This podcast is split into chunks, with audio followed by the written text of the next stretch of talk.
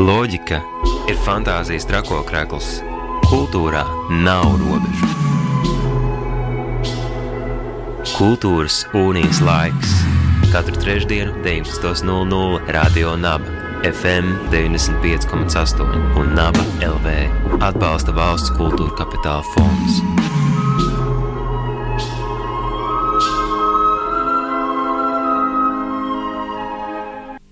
Esiet sveicināti radio naba klausītāji, radio naba ēterā raidījums Kultūras unijas laiks, kurā mēs ielūkojamies aktuālos mākslas un kultūras procesos, kas šobrīd piedzīvojami Latvijas un jau var arī teikt pasaules kultūras telpā.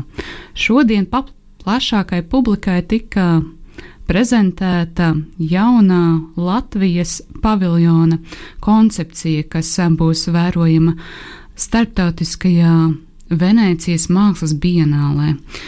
Um, nu, tiesa, laiks vēl gana plašs, bet aktīva darbība um, pie šī paviljona darbiem, mākslas darbiem jau ir procesā. Un šovakar pie mums Radio Naba studijā viesos ir Latvijas laikmatīgās mākslas centra direktore, Latvijas paviljona 2020-2022 komisāre un kuratore Salvita Krēsas. Sveiki, labvakar! Labvakar! Man vislaika um, vairāk patīk tas jūsu otrais uh, tituls, kas tiek arī piedāvāts, un uh, bieži šādu titulu neredzam. Uh, varbūt uh, tad uh, pastāstiet, kāda ir tad šogad jūsu loma Venēcijas bienāles visa lielā procesa kūrēšanā, organizēšanā un ko tad nozīmē būt par komisāri? Jā, nu, komisāri, tas ir ļoti interesants vārds, un iespējams, ka daudziem tas vairāk asociējās ar kaut kādu militāru terminu vai ar armiju. Uh, Un mēs arī esam ilgi domājuši, kā tad, lai to tā precīzi pārtulko latviešu, jo tas vārds nāk pārsvarā no um, um, angliski, commissioner un arī ar itāliski. Bet nu, tā burtiski tas nozīmē nu, pasūtītājs, tas, kas nu, pasūta, bet arī viņu kā, realizē to, to paviljonu. Un, tā komisāre, es esmu bijusi jau vairākas reizes, jo Mākslas centrs ir veidojis Venecijas bienālē Latvijas paviljonu jau četras reizes. Bet kuratoras lomā es iejūtos pirmo reizi, un to es daru kopā ar savu kolēģi Andru Silapēteri. Tā, tā ir mana tāda debija Venecijas kuratoras, Vene, Latvijas paviljona Venecijā kuratoras lomā.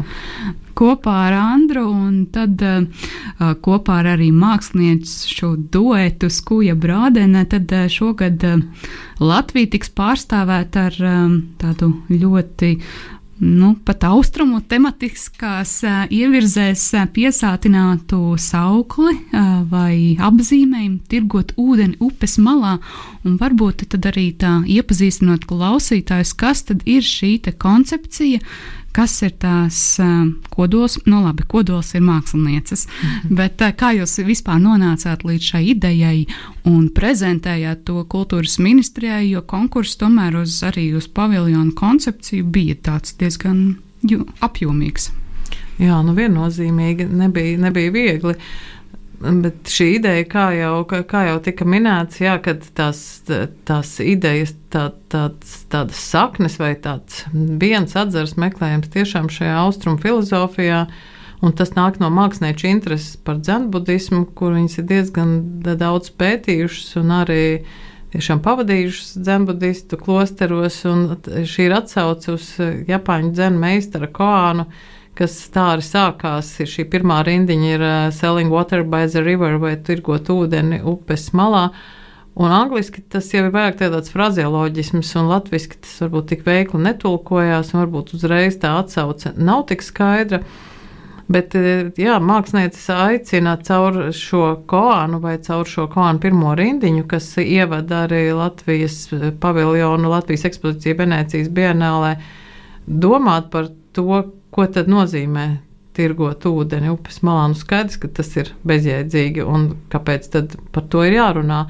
Un jārunā par to, lai mēs varbūt iedomātos, kad, cik daudz mums pieder un kad viss jau mums ir un kad varbūt mums nevajag to vēl kaut ko, to ūdeni no upes, ja mēs varam viņu pieiet un paši pasmelt. Kā mākslinieca caur saviem darbiem aicina kā, pārvērtēt to mūsu patreizējo pasauli, gan, gan to patērēšanas virpuli, kurā mēs visi esam iekšā, gan arī izsvērt tās lietas, kas mums ir un kas mums nav svarīgas. Jā, um, tajā brīdī, kad es pirmo reizi saskāros ar šo te, um, nosaukumu, man bija jāpāršķirst vēstures, uh, literatūras vēstures arhīvi, jo prātā nāca um, viduslaiku dzēnieka vārdi, kur bija mirstu slāpēs upes uh, malā. No nu, lūk. kur, arī, kur arī toreiz uh, uh, bija motīvi par uh, šiem te austrumu domātāju atzariem, un nu, tad arī atkal mums ir uh, iespēja satikties ar šīm paradoksiem, kas ir uh, mākslā un kultūrā. Bet, uh, Runājot arī par pašu paviljonu, tas ir diezgan apjomīgs notikums un apjomīga darbi tajā ir apkopoti. Kas tad būs vērojami vai ko jūs vedīsiet prom no Latvijas uz Venēciju? Nu jā, Venecija tiešām ir tajā mākslas ekosistēmā viena no lielākajām virsotnēm, uz ko visi mākslinieki tiecās nonākt. Un šodien preses konference, kas notika diezgan simboliski jaunajā Mākslas akadēmijas ēkā, Kronvalda Bulvārī 4, kur drīzumā tiks atvērta Mākslas akadēmijas kopradas telpa, kurā darbosies studenti miedarbībā gan ar radošām industrijām, gan ar mākslas institūcijām. Nu, tā kā viņi mēģinās to, ko viņi ir iemācījušies, jau tālāk ieviest eh, dzīvē un skatīties, kas no tā sanāk. Man liekas, ka jā, tas ir tik, tik labi, ka mēs esam šajā telpā, šajā ēkā tā kā tāda, nu, kas iezīmē to taku no, no studijām līdz tai Venecijai, jo mēs būvēsim paviljonu tieši arī šajā Kronvalda bulvāra telpās, ko akadēmija mums ir laipni piešķīrusi. Mēs viņu tā kā uzbūvēsim šeit Latvijā jau uz vietas, jo tie, tas darba apjoms ir milzīgs. Mēs vedīsim uz Venēciju apmēram 300 keramikas objektus, pēc porcelāna objektus Pēdējie vēl lielākie no tiem top, un tie tiešām tie objektas diapazons ir no daudziem maziem objektiem, kas ir tādā, tādā acis lielumā un milzīgas gultas dabiskā izmērā, kas tiek pa gabaliem tagad dedzināta un apstrādāta, un tiešām tas, tas mērogs būs milzīgs, un mēs sapratām, ka mēs daudz labāk un drošāk jutīsimies, ja mēs uzbūvēsim visu jau tā kā šeit, un tad dabiski izjauksim, saliksim kastēs un vedīsim uz Venēciju. Un uh, mā, viss, pa, visa paviljona ideja uh, koncentrējās ap māju, ap māju un upi, kā jau mēs dzirdējām par šo upes ūdeni. Bet tas mājas koncepts uh, ir par šo iekļaujošo sabiedrību, par to, kas ir māja un kā mājā satiekās šī publiskā un privātā telpa, kā tur satiekās visas pretrunas un šie sprieguma momenti. Un, cik mēs toleranti esam pret mūsu ciemiņiem vai pret to citu, kas tiek aicināts vai kādreiz neaicināts mūsu mājā. Un māja ir ļoti svarīga ir pašai skujai bradenai, jo viņas arī radījušas to vienoto tēlu, to unikālo tēlu, kas saucās Skuja Bradena, kā viņas arī paraksta savus darbus, tur ir divas personības, Inga un Skuja un Melisa Breidena, un viņas kopā kā, tiešām rada visu šo pasauli, šo māju, ko viņas apdzīvo, un tiešām tie viņu darbi top kopā, tā kā, tas tā kā tāda unikāla. Unikāla būtne, un savā ziņā viņas to savu māju, kas pirms tam bija aizkrauklē, tieši tagad viņas pārvācās uz Lielvārdi, bet tā kā to savu māju pie upes, pie Daugavas, viņas pārnes uz to Venēciju. Un tur arī būs gan e, viesistaba, gan lielais galds, uz kura tiek mestas visas problēmas un, un politiskie jautājumi varbūt, un tad tāda intīmāka zona, kas ir guļamistaba, un tad tāds mazs altārītis, tad tur e, vannas istaba, nu kā jau īstā mājā. Un cauri visam tad ir šis ūdens, šī upe, kas kā, uzmet to gultu gaisā ar tādu vilni un acīt pret sienu un izlīst pa to telpu.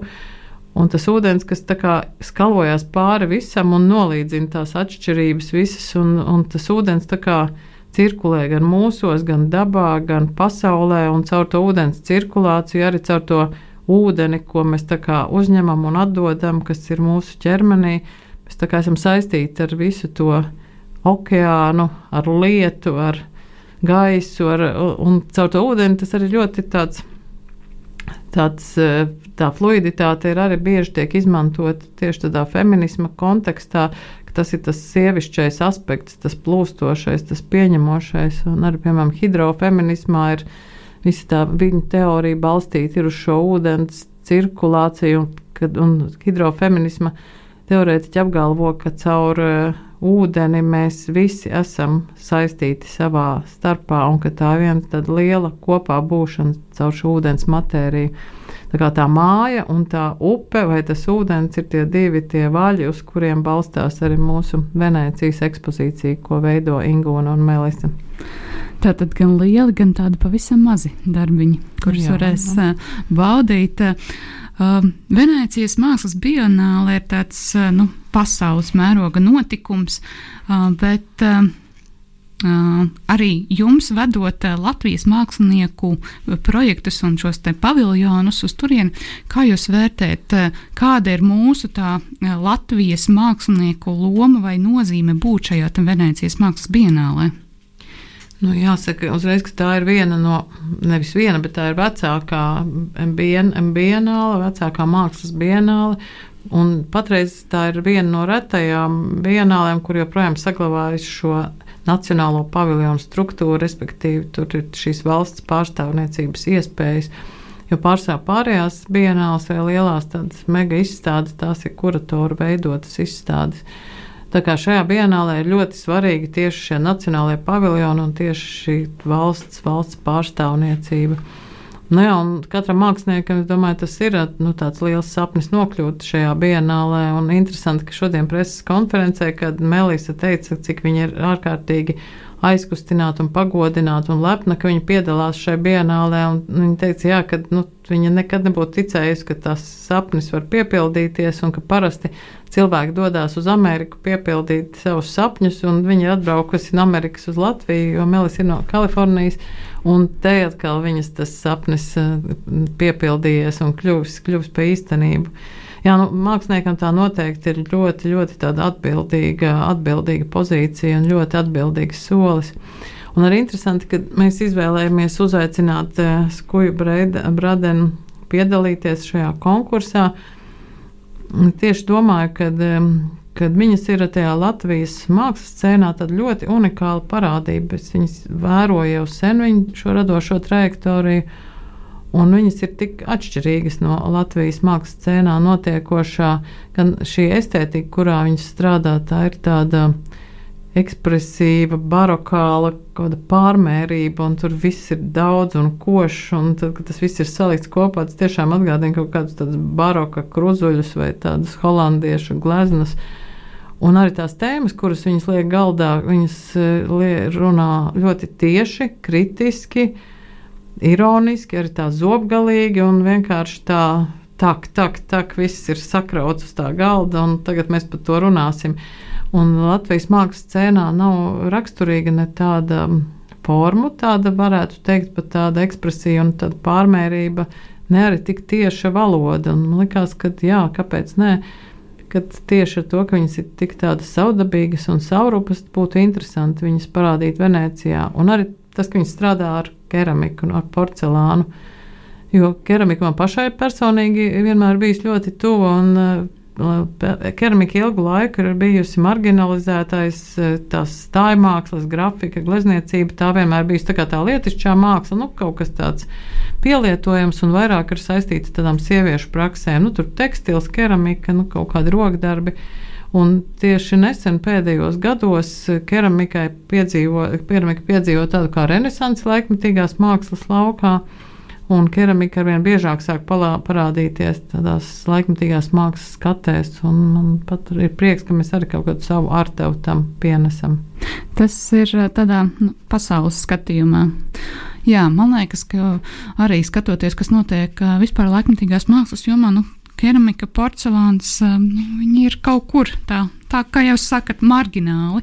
Un tad pēkšņi pladāts skuja brādeni Un ir, un ir uh, mākslinieces, kas ir uh, tādas, kuras var pārstāvēt Latviju uh, tik nozīmīgā notikumā. Bet runājot arī par um, par laikmatīgās mākslas centra uh, šo te uh, virzīto um, projektu paviljonu. Vai bija grūti izšķirties par to, ka Latvijai jāpārstāv nu, tā, nu, pirmkārt tāda ļoti citādāka, um, citādāka mākslinieču darbība, kā jau jūs arī minējāt, to, ka viņas ir atšķirīgas, iz, uh, um, un spilgti tādas pamanāmas, bet atšķirīgas. Uh, jāpārstāv Latvija ar kaut ko tik uh, varbūt neraksturīgu Latvijas uh, mākslas vidē. Nu, tur atkal jāatskatās, protams, uz uh, tām, uh, tiem virzieniem, ar ko vispār nodarbojās laikmatīgās mākslas centrs, jo mums diezgan uh, maz interesē varbūt tādas mākslas, māksla, kas fokusējās tikai uz tās formālajiem aspektiem, kad mēs mākslā meklējam tiešām kaut kādus vēstījumus, un mums parasti ar vienmēr interesē, ja mākslā spoguļojās kaut kādi sociālie, politiskie jautājumi. Nu, tas ir, ar ko mēs pārsvarā nodarbojamies gan savos projektos, gan arī festivālā Survival Kit. Mēs regulāri fokusējamies uz kaut kādām sabiedrības aktualitātēm. Meklējam mākslu, kas rezonē šīs aktualitātes, un arī citos izstāžu projektos, kur mēs, kurus mēs balstām pētniecībā, mēs arī mēģinām eh, pārjautāt, eh, pārskatīt vēsturi un kaut kādā veidā kā izdarīt kaut kādas korekcijas šajā vēstures lasījumā, tieši kaut kādā veidā koriģējot šo politisko vēstures lasījumu un kaut kādā veidā viņu pārskatot. Un da, Latvijā jau arī nav tik daudz mākslinieku, kas varbūt strādā šādā, šādā virzībā, un, un arī Venecijas bienāla. Tas tomēr prasa zināmu briedumu. Ir ļoti daudz tādu jaunākās paudzes mākslinieku, uz kuriem skatos ar lielām cerībām, kur jau drīz, drīz jau viņi būs jau tādā.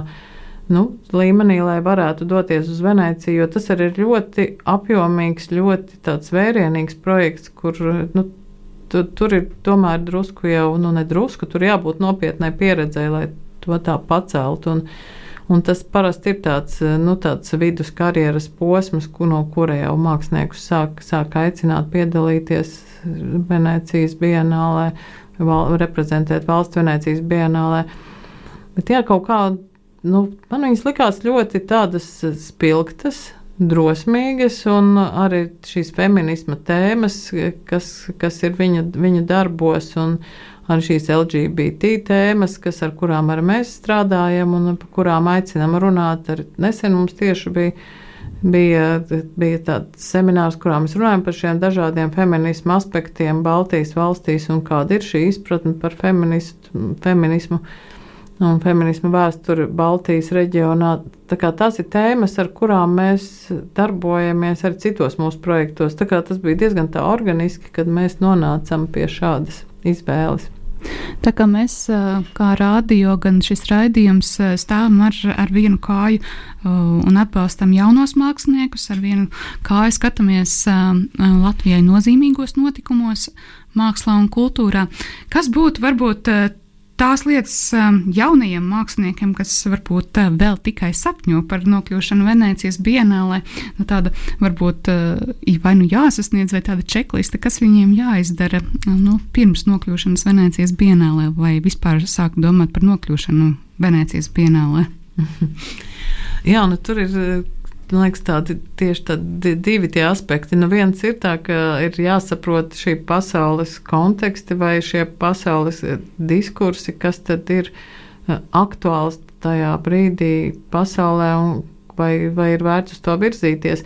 Bet tur atkal man liekas, ka eh, es noteikti neaicinātu māksliniekus kaut kā sekot kaut kādai tā brīža pasaules konjunktūrai un darīt kaut ko pretēji savai nu, pārliecībai vai savai tai nu, nu, teiksim, tam savam ceļam, kā, kā viņi virzās. Nu, man liekas, Hujai Bradēn tieši tas ir pievilcīgi, ka viņas, viņām nav svarīgi, kas tajā brīdī ir modē vai aktuāli. Viņas, tā kā viņas strādā 20 gadus, tā viņas arī turpina darīt, un viņām, nu, teiksim, tas kaut kādi tie pasaules diskursi tik daudz varbūt arī neinteresē. Bet nu, es jauniem māksliniekiem gan ieteiktu, tomēr tā kā saprast, kas ir pasaulē tie tās plūsmas, tās kustības, par ko runā mākslas vidē, starptautiskajā, kādas ir šīs aktuālās tēmas. Un runājot par Venēciju, vienmēr salīdzinoši ar dokumentu, kas, manuprāt, ir nozīmīgākā mākslas uh, skate pasaulē, bet nu, Venecijas teikt, tā ir tāda prestižākā akala. Un kā jau tas vārds, tas prestižs arī sevi ietver, ka tā ir vairāk, tas ir vairāk par šo izrādi, par šo izrādīšanos. Un tad dabiski ir jādomā par to vizuālo nu, kaut kādu, nu, tādu, jā, tādu vizuāli kaut piepildītu uh, risinājumu. Protams, ka Venecijā var, var startēt arī ar kaut ko pilnīgi minimalistisku un uh, tikai balstītu, piemēram, kādā izpētē vai kādos tekstos. Tas arī ir ļoti veiksmīgi tādi piemēri bijuši, bet tā Venecija tomēr nu, ir tāda parāde, ka tur nu, vajag kaut ko tādu, tās košās, košās spalvas pie cepures. Tā kā jā, nu te man liekas, ir tā vieta, kur tiešām satiekās gan tā pārliecinošā vizualitāte, gan arī tā izpratne par tā brīža aktualitātēm. Un vēl ir jautājums arī par šo te, kas tad īsti ir jāsagatavo. Nu, skaidrs, ka tas nebūs viens mazs šķīvītis vai maza krūzīte, tas tomēr ir vai viena maza glezna, tas tomēr ir apjoms. Jā, tas ir apjoms un tas ir arī komandas darbs. Tāpēc arī uz Venēciju nevar pieteikties tikai viens pats mākslinieks. Viņam jau ir jānāk uzreiz ar komandu, ar nu, komandu, kas ir spējīga to realizēt. Un e, iesniedzēji Venecijas konkursā ir tieši, tieši šī komanda vai šīs institūcijas, kuras arī ir pierādījušas, ka viņas spēja nu, īstenot tāda veida projektus. Jo tas ir tiešām ļoti vērienīgs, ļoti komplicēts projekts, kur ir ietverta gan, gan komplicētas finansējuma lietas, gan visa šī loģistika, gan komunikācija. Nu, tur jābūt pieredzēji arī, lai to varētu uztaisīt. Un tā kā māksliniekam ir jāiet kopā ar kādu no šiem spēlētājiem, kuriem ir tāda kapacitāte. Tā kā nu jā, vispirms jau ir nu, jā, jātiek līdz tam, ka kāds no šiem spēlētājiem ir gatavs ar tevi sadarboties un redz to potenciālu un uzticās. Un saka, ok, labi, es uz tevi likšu kārti, un mēs taisīsim to bienāli. Nu, tas pieredzējušais spēlētājs saprot, ka šis varētu aiziet, un, un ka šitam vēl ir jāpaugās. Vai, Kaut kā tā. Jā, tā tad no, jaunajiem nevajag uzreiz sporoties pretī visām, visām pastāvošajām institūcijām, un varbūt nevajag uzreiz domāt savu organizāciju, Un, bet draudzēties ar lieliem spēlētājiem. Var, var, var domāt savu organizāciju. Vienkārši tur ir nu, tās prasības, kam ir jā, jo tas ir iepirkuma konkurss. Un kā jebkurā iepirkuma konkursā, nu, kaut vai tur ir tāds kriterijs, tev ir jābūt pēdējos trīs vai piecos, es pat neatceros, piecos gados realizētiem projektiem, kuri budžets ir lielāks par 500 tūkstošiem. Nu, nav tik daudz organizācijas Latvijā, kuras strādā ar tādu mērogu projektiem, bet es ļoti iedrošinu jaunās organizācijas vienkārši nākt iekšā tajā laukumā un sākt darboties. Jā, tā kā nu, nevajag arī spļaut virsū birokrātijai. Taču ir jādraudzēs ar birokrātiju, ja grib tikt līdz Venecijai. Un droši vien birokrātija varētu samazināt. Man liekas, ka ir jāatver tomēr plašāki tie konkursu noteikumu vārti, lai lielāks dalībnieku skaits var iesaistīties, bet nu, tā īsti nav mana kompetence. Nu, šobrīd mēs varam runāt arī par vēlamajiem turpinājumiem, kā, kam būtu jānotiek vēl šajā pārstāvniecības kūrēšanā vai organizēšanā, un kas varbūt nākamajos gados atvieglotu dažādību mūsu pārstāvēto mākslinieku vidū.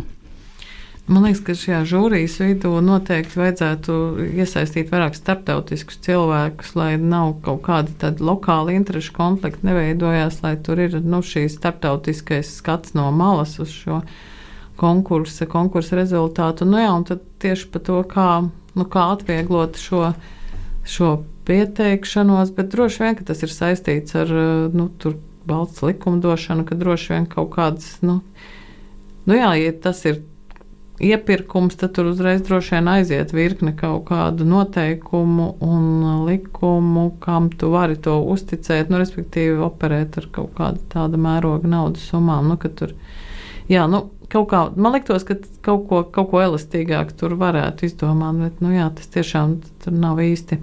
Nu, man nav īsti mana kompetence, bet tād, tādā vēlējuma izteiksmē man liekas, ka jā, tur vajadzētu vairāk domāt par tādu starptautisku žūriju un par kādiem elastīgākiem noteikumiem, lai plašāks spēlētāju lokus var pieteikties.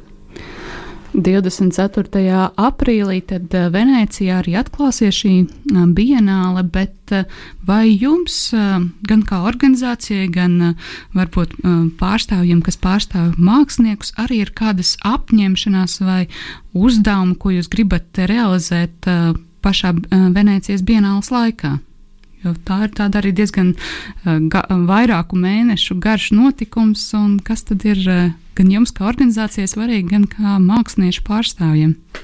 Nu, tas, kā, nu, kā katrā bienālē ir organizatoriem ir ļoti svarīgi pavirzīt kaut kur tālāk, izstādīt tos māksliniekus, tieši kaut kādā veidā panākt viņu lielāku atpazīstamību. Darbs ne, nebeidzās ar Venecijas bienāles atklāšanu. Mēs ļoti intensīvi pēc tam strādājam ar viņu mēdījiem, starptautiskiem mēdījiem, ar mākslas vidas profesionāļiem un aicinām viņus eh, apmeklēt paviljonu, tikties ar viņiem, nu, redzēs, kā, kā vispār situācija attīstīsies ar visu šo pandēmijas fonu, bet, nu jā, kad kaut kādā veidā arī, nu, mērķiecīgi piedāvāt informāciju par mūsu izstādītajām māksliniecēm, gan dažādiem institūciju vadītājiem, mākslas profesionāļiem, mēdīju pārstāvjiem, Un tas mērķis ir, jā, nu, ja mākslinieks pēc tam saņem uzaicinājumu kaut kur citur starptautiski izstādīties, tad tas ir tāds, nu, nu padarīta darba sajūta. Jā, nu, tas ir, nu, bet to, to jau visi, kas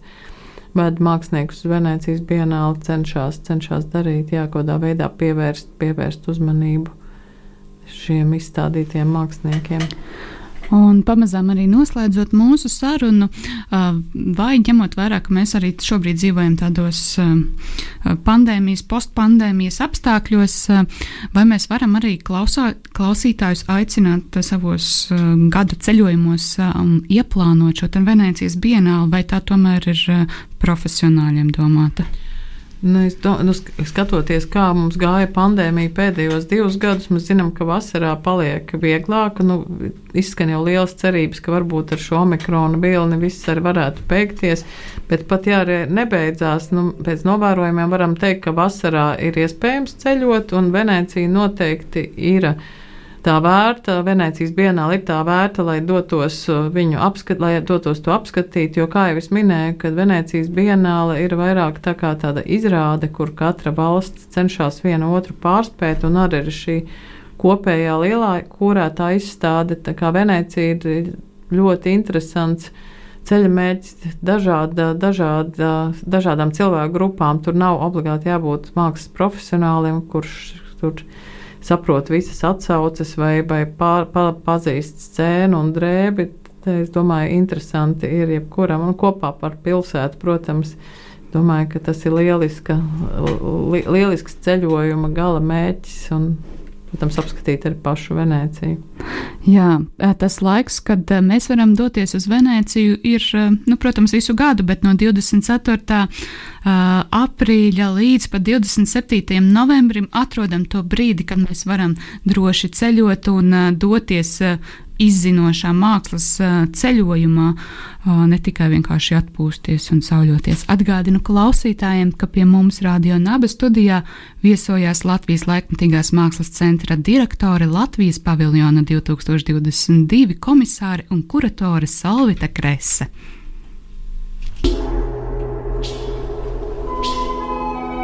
Loģika ir fantāzijas trakokrēkls.